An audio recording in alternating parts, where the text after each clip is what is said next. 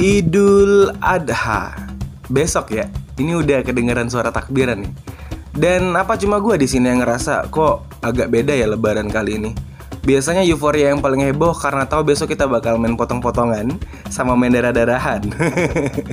Jadi kayak psikopat deh gue ya. Uh, eh, BTW, mana nih tim yang sholat idnya di rumah dan mana tim yang sholat idnya di masjid?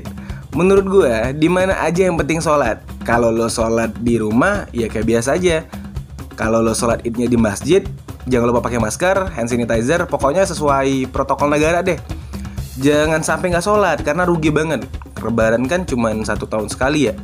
Masalah daging urusan belakang, jangan ribet karena masalah pindang tulang doang. Lebaran kali ini agak beda memang karena dunia emang sedang tidak baik-baik saja. Tapi nggak apa-apa, kita harus tetap semangat ngejalani Lebaran kali ini. Yang belum bisa mudik juga jangan sedih, yakin aja pasti bakal ada teman-teman yang siap nemenin lu pada di lebaran kali ini. Hmm, emangnya ada yang mau mudik? Ya adalah. Contohnya teman-teman gue yang sekarang lagi heboh skripsian. Mereka kan dari luar daerah semua tuh. Mereka mau mudik sebenarnya, cuman masih banyak problem yang belum selesai. Sama perihal virus yang tak kunjung usai.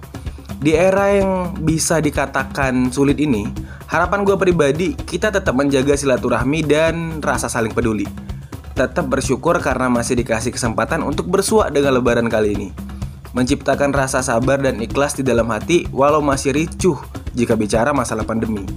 Jangan maruk sama rendang. Lihat kiri kanan, siapa tahu ada yang gak kebagian. Berbagi lebih indah di zaman yang serba sulit ini. Dan buat yang lebaran, hati-hati, sapi juga lagi mahar. Eh, lagi mahar. Lagi mahal maksudnya. Ntar kepotong lagi. gue gue nggak body shaming karena gue juga orangnya lebar kok.